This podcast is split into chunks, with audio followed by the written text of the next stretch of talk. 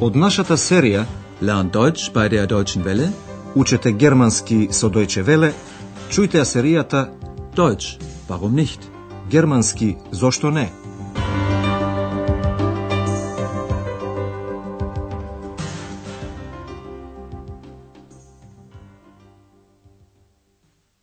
Liebe Hörerinnen und Hörer. Добар ден, почитувани слушателки и слушатели. Наредте петтата лекција од првата серија под наслов Па тоа е неучтиво. Das ist doch unhöflich. Дали се сеќавате на предходната лекција? Кутриот Андреас, или? Само што најде работа во Хотел Европа и мораше така нешто глупаво да му се случи. Како прво, не го позна по гласот честиот гостин на хотелот господин доктор Тирман. Доктор Тирман по телефон побара едно пиво, а Андреас, не сакајќи го праша доктор Тирман кој е тој. Und wer sind Sie bitte? Доктор Тирман беше уморен од патот и мошне налутено одговори, прашувајќи кој е Андреас. Und Sie? Wer sind Sie? Андреас, што туку одговори на прашањето, се јави ненадено екс, кој го праша доктор Тирман кој е тој. При тоа не го употреби учтивото обраќање со вие, зи, додавајќи го соодветниот глагол, туку фамилиарното ти, ду. Und wer bist du? Мошне неучтиво. Доктор Тирман е мошне изненаден. Андреас од своја страна е лутна екс. За сега Андреас мора да го однесе пивото во собата на доктор Тирман, што му е непријатно. Воопшто не знае како ќе реагира доктор Тирман. Чујте го разговорот меѓу Андреас и доктор Тирман. Ваша задача е да го откриете штимунгот, расположението. Ja, bitte? Ihr Bier bitte. Danke.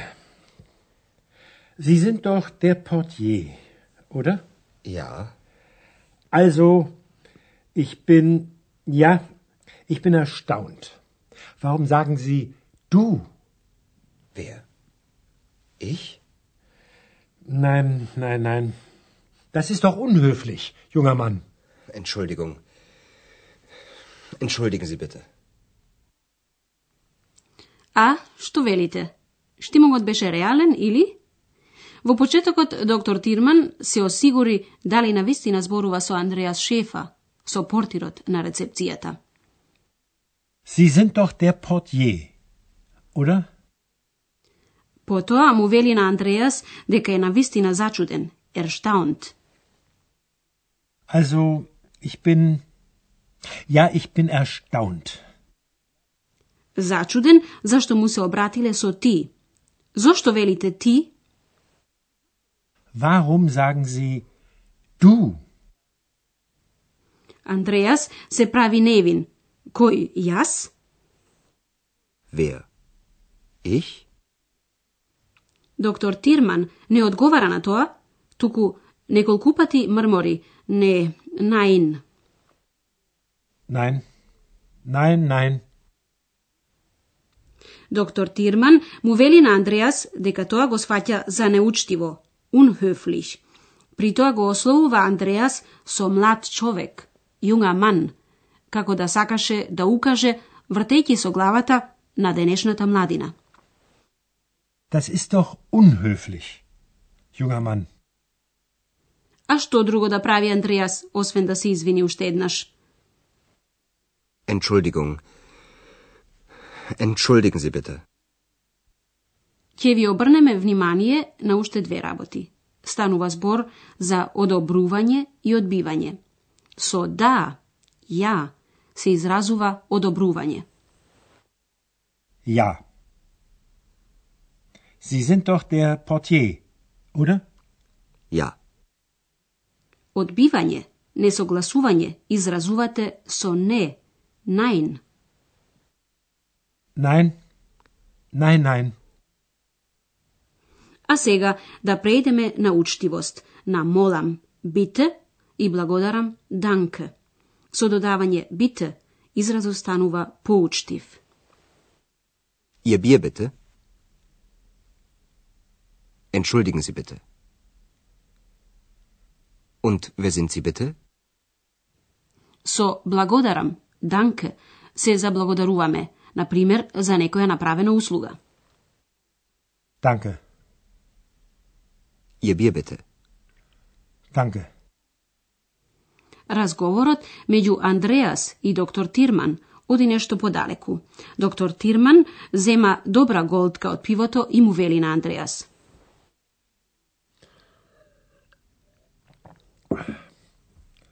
Sie sind wohl ein Witzbold. Доктор Тирман сака да истакне дека обраќањето спрема него со ти беше глупава шега. Шегаджија, Вицполд, е некој кој обично прави лоши шеги. А невидливиот екс е дјаволест, коболд, и не прави ништо подобро отколку да се замеша. Чујте го сега крајот на разговорот. Што мислите, зошто доктор Тирман го завршува разговорот?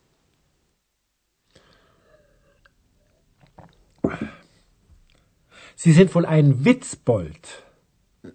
Witzbold? Nein, ein Kobold. Ich bin ein Kobold. Ach, was? Ein Kobold oder ein Witzbold oder. Ich bin müde. Gute Nacht. Gute Nacht, Herr Dr. Thürmann.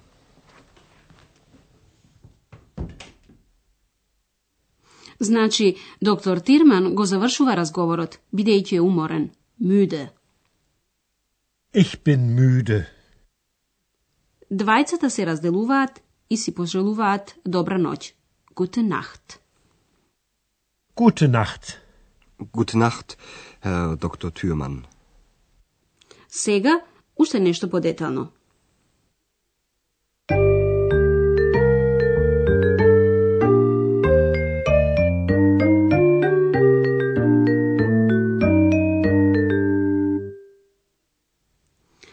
Во денешната емисија ви предадовме можности за тоа како во германскиот можете да кажете нешто за себе или за односот на други.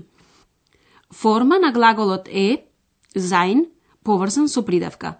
Ако зборувате за себе, тогаш употребувате прво лице ich и bin, значи јас сум. Ich bin müde. Ich bin erstaunt. Ich bin müde. Ich bin erstaunt. Доколку сакате да го објасните однесувањето на некој друг, тогаш се употребува das и ist, значи тоа е. Das ist unhöflich. Das ist unhöflich. На крајот да ви објасниме уште еден збор. Станува збор за зборот дох, кој често се употребува. Не ја менува смислата на изразот, туку му дава нијанса. Во првиот пример, со дох, имаме потенцирање на изразот. Слушнете.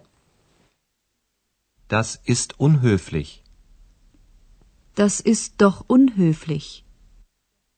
Вториот пример покажува дека со употреба на дох сакате да се осигурите дека она што сте го кажале на вистина е така. Sie sind doch der Portier, oder?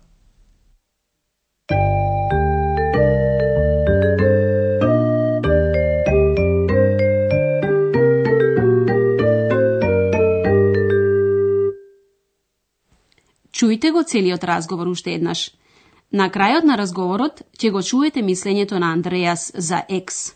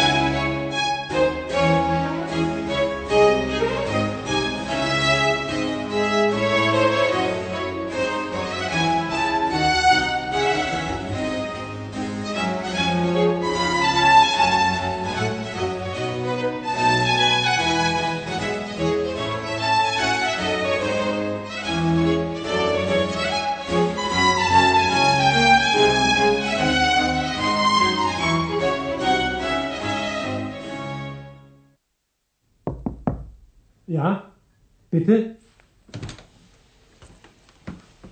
Ihr Bier bitte. Danke. Sie sind doch der Portier, oder? Ja, Also, ich bin, ja, ich bin erstaunt. Warum sagen Sie du? wer? Ich? Nein, nein, nein. Das ist doch unhöflich, junger Mann. Entschuldigung. Entschuldigen Sie bitte. Доктор Тирман, малку смеејќи се, вели дека Андреас е шегаджија и потоа му пожелува добра ноќ, бидејќи лично е уморен.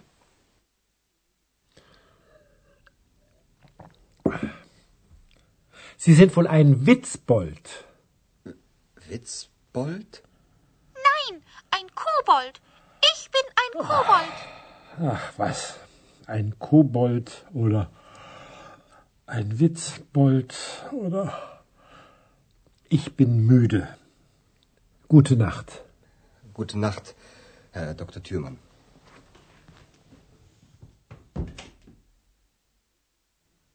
Андреас налутено се обраќа до екс, велејќи му дека обраќањето со ти го смета за неучтиво. Ex? Ex. Also, du bist unhöflich. Ich? Unhöflich? Ja, du. Entschuldigung, ich. äh, Das ist doch unhöflich. Und wer bist du? Ich bin müde. Nein, du bist ein Kobold. Екс се прави дека е малку навреден, а освен тоа, останува нејасно дали Андреас зборот ѓаволест го сваќа како комплимент или критика. До слушање до следната емисија. Gute Nacht. Тоа беше германски Зошто не? Радиоговорен курс на Херат Мезе во продукција на Дојче Веле и на Гетовиот институт од Минхен.